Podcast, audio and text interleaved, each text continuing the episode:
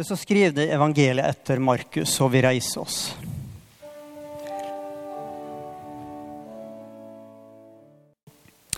Jesus gikk opp i fjellet. Han kalla til seg de han ville, og de kom til ham. Han peka ut tolv, som han òg kalla apostler, for at de skulle være med ham, og for at han kunne sende dem ut for å forkynne og ha makt til å drive ut vonde ånder. Han peka ut de tolv.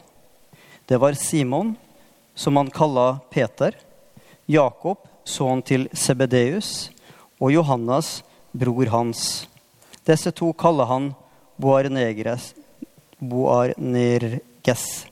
Det tyder Tore-sønner. Og Andreas, Philip og Bartolomeus. Matteus, Thomas og Jakob, sønn til Alfeus. Tadeus, Simon Kananeos og Judas Iskariot, han som sveik han. Slik lyder det hellige evangeliet. Vær så god, sitt.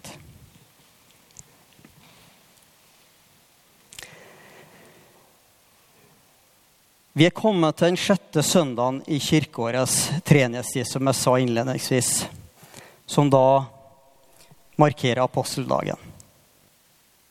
Ordet apostel vet sikkert mange av dere betyr en som er utsendt. Jesu misjonsbefaling hos evangelisten Matteus kan her stå som et eksempel på oppdraget han gir apostlene. I dette lå det også et viktig kall i å arbeide for å begrense ondskapens makt i samfunnet. Vi som kristne markerer at apostlene Peter og Paulus lei martyrdøden i Roma. Opprinnelig ble dagen kalt Persjokk, og minnemarkeringa var opprinnelig 29. juni hvert år. Og om vi kan se for oss de fine primstavene av treverk som gjerne hang på veggene rundt om på de gamle gårdene her på Sunnmøre, så hadde de gjerne trykt inn et nøkkelsymbol. Symbolikken var henta fra Matteus, hvor Jesus sier til Peter, 'Jeg vil gi deg himmelrikets nøkler'. I katolsk forståelse så overdrar Jesus leierskapet til Peter og forkynnelsesansvaret for den tidlige kristne kirka. Og treenighetstida har grønt, som dere kan se foran her, eh, i eh, fargesymbolikken sin. Men så er det jo sånn at jeg har rødt i dag. Og der har noe med at vi minnes martyrene med rødt. Rød liturgisk farge. Og ikke minst hva de har ofra opp gjennom årene i trua på Jesus og evangeliet. For kirkehistoria viser til at disiplene, unntatt Johannes, led martyrdøden. Og Tekstene i dag handler mye om som vi har hørt, Guds oppfordring til oss kristne om å svare på kallet som ligger bl.a. i misjonsbefalinga. Om vi går inn i teksten forut for dagens lesning i Markusevangeliet, så merker vi at det er en spent stemning i Galilea. Store folkemengder oppsøker Jesus, for han gir dem mat, og han gjør dem friske. Men de store menneskemassene godtar ikke at Jesus ser til å vil trekke seg tilbake fra folket. Spesielt dem som er i nød. Han må be disiplene sine om å ha båten i beredskap dersom folkemengda skulle presse seg for mye på. Så Slik sett så kan det se ut at Jesu budskap i det ytre vinner frem. Folk vil veldig gjerne høre, høre hva han har å si. Det er muligheten da til å bli frisk som motiverer dem til å søke Jesus. De forstår ikke budskapet om at Guds rike nå er nær. Det kan vi forstå ut ifra evangelisten Johannes, hvor han skriver sitat Han kom til sitt eget, og hans egne tok ikke imot den. At Jesus helbreda syke, var bare en liten flik av hans budskap. Et tegn på at Gud gjesta folket sitt, og at frelsestida var kommet til jord. Det som står skrevet i slutten av Jesaja-boka, utfolder seg nå i Galilea.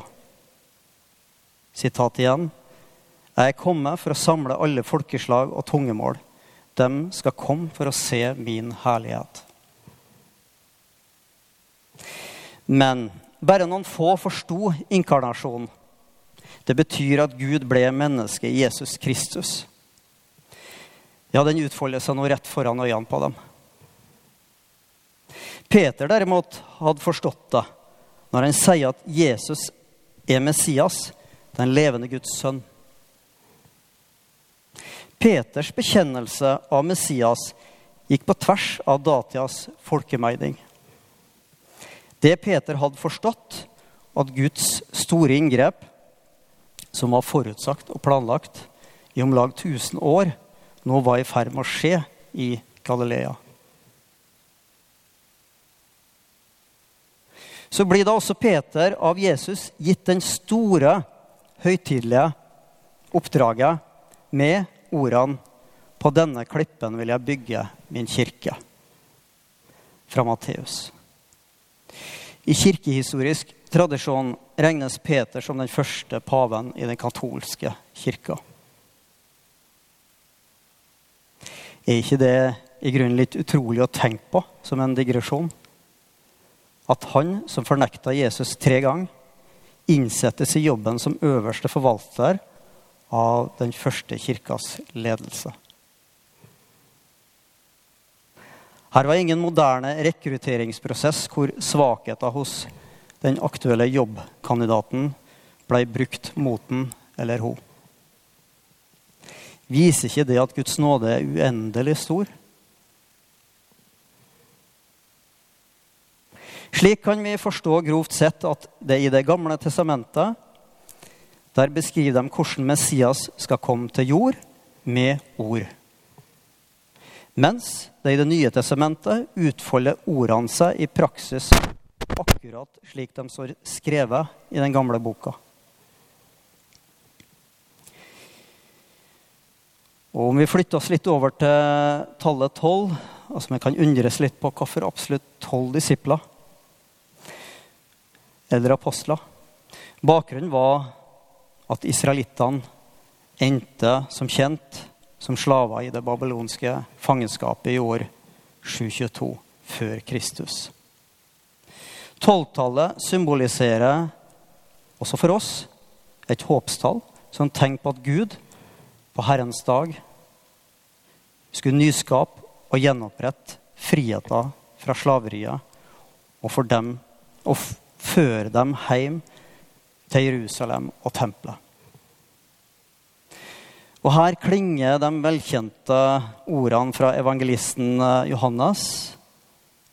Frelsen kommer fra jødene. Det var ikke tilfeldig. Allerede lenge før Jesu fødsel så hørte vi fra dagens lesing fra Jesaja at han oppfordrer folket til å fortelle om Guds herlighet for folkeslagene. Altså også et globalt og internasjonalt perspektiv på forkynnelsen som var tiltenkt lenge før Jesu fødsel.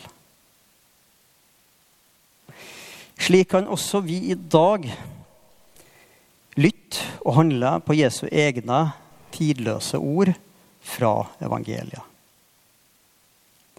Gå derfor ut og gjør alle folkeslag til læresveinar med de de døyper deg til navnet åt Faderen og Sønnen og Den hellige ande, og lærer dykk å holde alt det som jeg har båret dykk. Og sjå, jeg er med dykk alle dager, så lenge verda står. Ære være Faderen og Sønnen og Den hellige ande, som var og er og være skal, en sann Gud fra evig og til evig.